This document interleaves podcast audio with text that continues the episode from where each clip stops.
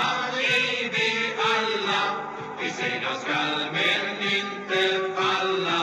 De bör vi alltid minnas och ni ska se. MFF-are är vi alla och välkomna till avsnitt nummer 80 utav Fotbollspodden Tapper med MFF-legendaren Staffan Tapper i huvudrollen och själv heter jag Micke Sjöblom som samtalar med Staffan. Eh, vi sitter här på förmiddagen eh, dagen efter att eh, MFF på en lördag, sen lördag eftermiddag eller lördag kväll slagit Örebro hemma med hela 5-1. Ja, det är en sån här lite taskig, man säger en dag på jobbet match. För det är nästan lite synd både om Örebro och MFF och alla som tittar på. Vad säger du Staffan?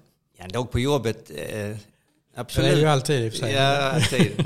Nej, men det är ju jätteviktiga segrar. Vi sa det, vi fick Ja. tre poäng med oss från Borås och Elfsborg.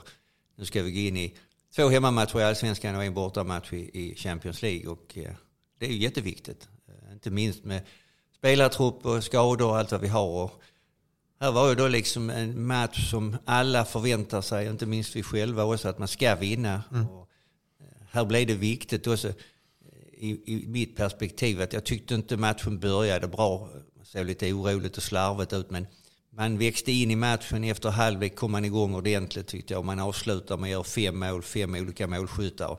Det är ju det man tar med sig. Det är ju en gammal regel liksom, att avsluta det bra, avsluta träningen bra, lektionen bra. Så har du någonting att ta med dig.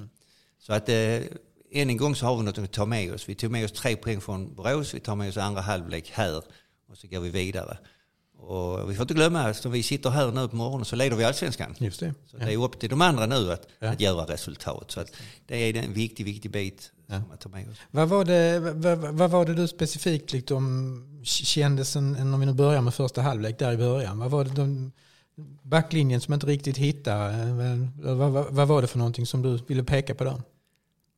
Ja, speciellt blev jag väldigt förvånad hur, hur vi ställde upp så att säga. Inte att Berget spelar högerback men jag blev inte riktigt underfund med de första 5-10 minuterna om vi hade en trebackslinje eller vi hade så att säga en fyrbackslinje. För eh, att Annel och Lasse Nilsson spelar mittbackar men Martin Olsson tog en position i början väldigt långt inne och Berget till rätt så långt upp. Så det såg ut som tre. Men samtidigt så var det en känsla av att ja, gjorde vi det för att lura Örebro eller för att de hade läst in oss på något sätt. Och, ja, innan vi fick rätta till det, det såg, man säger på lite skånska, vimset ut. Och, eh, även laget blev väldigt långt. Eh, Vi, vi, vi pressade långt upp, Bonke handlade långt upp emellanåt och vi fick ett utdraget lag vilket gav dem utrymme och plats. Och, verkligen mitt i halvleken så hotade de oss. De gjorde 1-1 med ett fint mål av Agon och bara ett par minuter senare var han rent igenom och kunde göra 2-1 så matchen kunde verkligen förändras där. Så att där var vi lite illa ute tyckte jag. Sen kändes det som att man tog ett allvarligt samtal i halvlek, hoppas jag. Och rä- och rätta till alla de här bitarna som ser konstiga ut. För att när vi kom ut de första 5-10 minuterna så såg matchen helt annorlunda ut. En, eh, både tempo på bollen och löpningar och positioner. och Så, så började vi hitta rätt igen. Va? Men det tog en halvlek och den såg väldigt konstig ut tyckte jag. Ja, ja. Där tycker man det ser slarvigt ut om slarvar. Men jag tror det är lite fel uttryck för att det är när man blir lite osäker var jag ska vara och jag kommer fel på det själv. Då, då blir det att prestationen med, med bollen blir sämre. Så att det var precis som vi sa, ett bra avslut. Ja. Ehm, ja, ska vi ta andra halvlek och, och eh, det, det positiva som, som vi tar med oss där? Är det något speciellt du tänker på? Du säger själv fem mål och, och fem, olika, fem olika målskyttar var då de fyra i, i andra halvlek när det började rulla på ordentligt. Det, det är viktigt att många gör mål. Ja. Inte minst då våra forward, Colak eller Kolak som han heter. Eh, och även de andra killarna får- in och göra mål här. Vi skapar ju mycket. Va? De ju också trötta ut och ser lite uppgivna. Klart får man in tre, fyra, fem. Då, då känns det ju motigt att kunna hitta någon poäng på bortaplan i Malmö. Så att vi fick en rätt så bekväm resa eh, sista halvtimmen tycker jag. Vilket vi var värda också och som är viktiga för oss, helt klart. Sen blev det ju lite konstigt här när vi, vi, vi byter här nästan, det har gått en kanske 70 minuter, så byter vi in Frans Brorsson. Och, och det är inte konstigt, vi byter in honom, men man byter in honom som högerback. Och eh, jag är lite förundrad på det hur man tänker. Nu får vi aldrig veta hur de tänker, men var det meningen, eller är det meningen att vi nu på onsdag mot Zenit ska spela med trebackslinje och två ytterbackar? Då förvånar det mig att man inte bytte in honom som ytterback. Så man gav Fransen 20 minuter som mittback tillsammans med de andra. Speciellt då när vi har ett lag som inte hotar oss så mycket. Att man kan få en rätt så bekväm resa i positioner och passningsspel och känna sig tillfreds. Istället sätter vi honom ute på ett högerback som, som han inte är. Han sköter det hur bra som helst men det, det grundar sig på att matchen var avgjord och slut. Va? Ja, ja, Men jag tycker det varit bättre att han fått en bekväm resa som mittback. Om han nu ska spela mittback ja.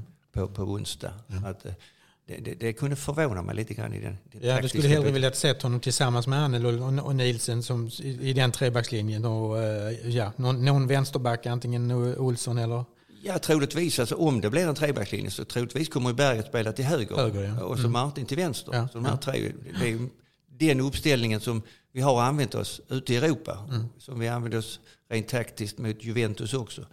Så det finns ju ingen anledning varför skulle bryta den nu mot Zenit. Det skulle också förvåna Ja, mig. ja. Så att det där är lite frågetecken hur, hur vi hanterade de här bitarna tyckte jag. Ja. Men det får vi ju svaren på på onsdag när vi ser Ja, laguppställningen. Ja. ja, för det är det här skillnaden som du också säger med att ha det på träning men nu ha det på match. Att, att, äh, även, om, även om det står 4-1 eller 5-1 eller vad det stod när han, när han kom in så är det ju ändå en skillnad naturligtvis det är en riktig match än, än att köra det på träning. Alltid skillnad på match. Det är också en, just den här känslan att avsluta matchen. Om man nu är tre mittbackar och vi avslutar det på det viset. Så det, om vi nu ska börja så avslutar vi det bra. Vi avslutar det positivt. Vi tar en seger med oss. Vi har gjort fem mål. Vi har försvarat oss bra i slutet. Det är ju den känslan man ska ha med sig. Eh, Känslan kanske om Frans far på på högerkant, till och med kanske gjorde ett mål. Det är också en god känsla att få göra. Men den är inte relaterad till vad vi ska göra på onsdag. onsdag, nej. Att, eh, ja, då ska man vara lite försiktig. Ja, det, är både intressant och relevant i högsta grad. Eh, ja, då i andra halvlek så fick vi då för, för eh, är det väl för andra gången se Peña. Och ja, du är förtjust hörde jag. Jag har inte sett så mycket av honom, jag har inte sett honom på träningen heller. Va? Men man tycker man tydligt kan se den här Sergio Pena, att det är en stor fotbollsspelare.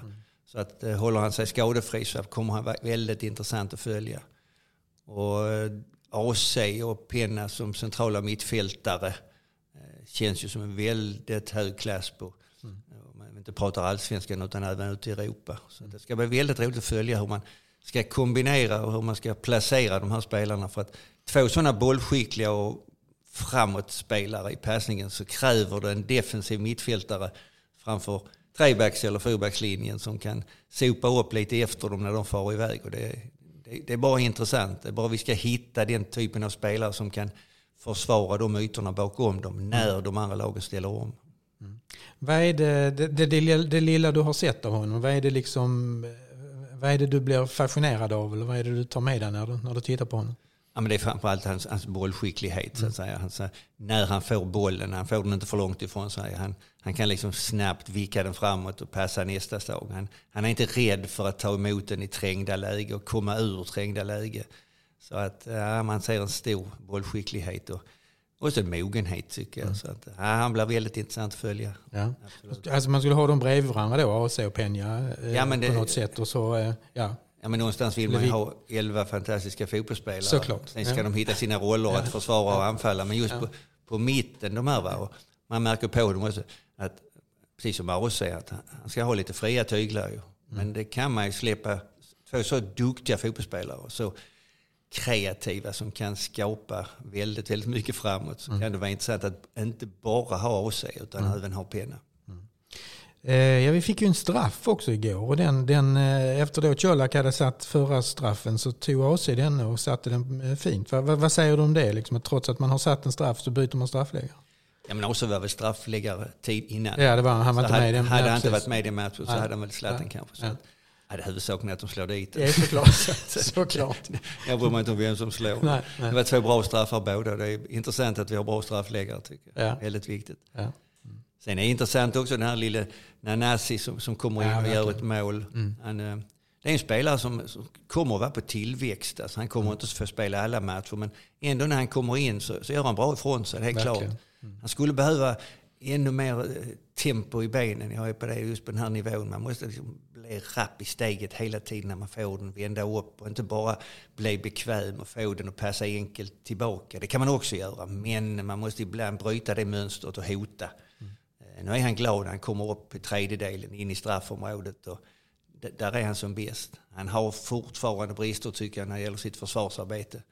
Han kan, när han sätter press så jagar han och jagar och jagar men han kommer liksom aldrig nära eller, eller till bollen eller får stoppet. Han, han är väldigt ambitiös.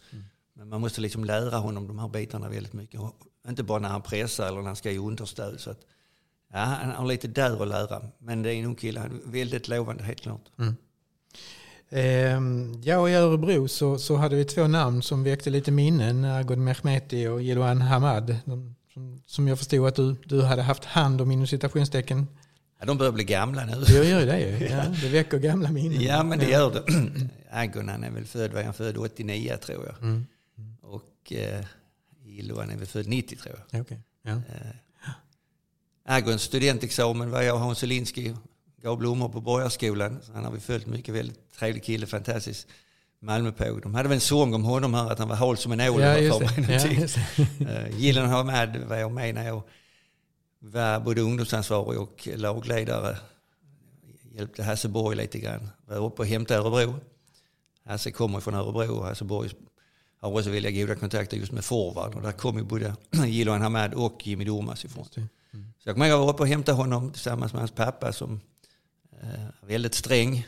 Fortfarande vill ha ordning och reda och koll på det hela. Väldigt trevlig människa. Väldigt, hälsar alltid på mig när jag träffar honom med goda kontakter. Så att, väldigt trevlig kille. Så att, gjorde- väldigt gott intryck på mig hela tiden också.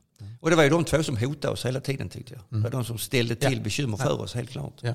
Så att eh, det var väl skönt att inte de fick så att säga, på något vis sätta stopp för vår fortsatta resa. Nej, här. det var det ju dubbelt. Dubbelt, klart. dubbelt, alltså. dubbelt. Helt klart ja. Vi pratade lite grann om Örebro här innan också. his- Historik och, och, och sådär. Och ett, ett antal gamla namn som dök upp. Ett av dem var Orvar, Orvar Bergmarken. Ja, blev klassisk, en klassisk spelare men också en klassisk förbundskapten.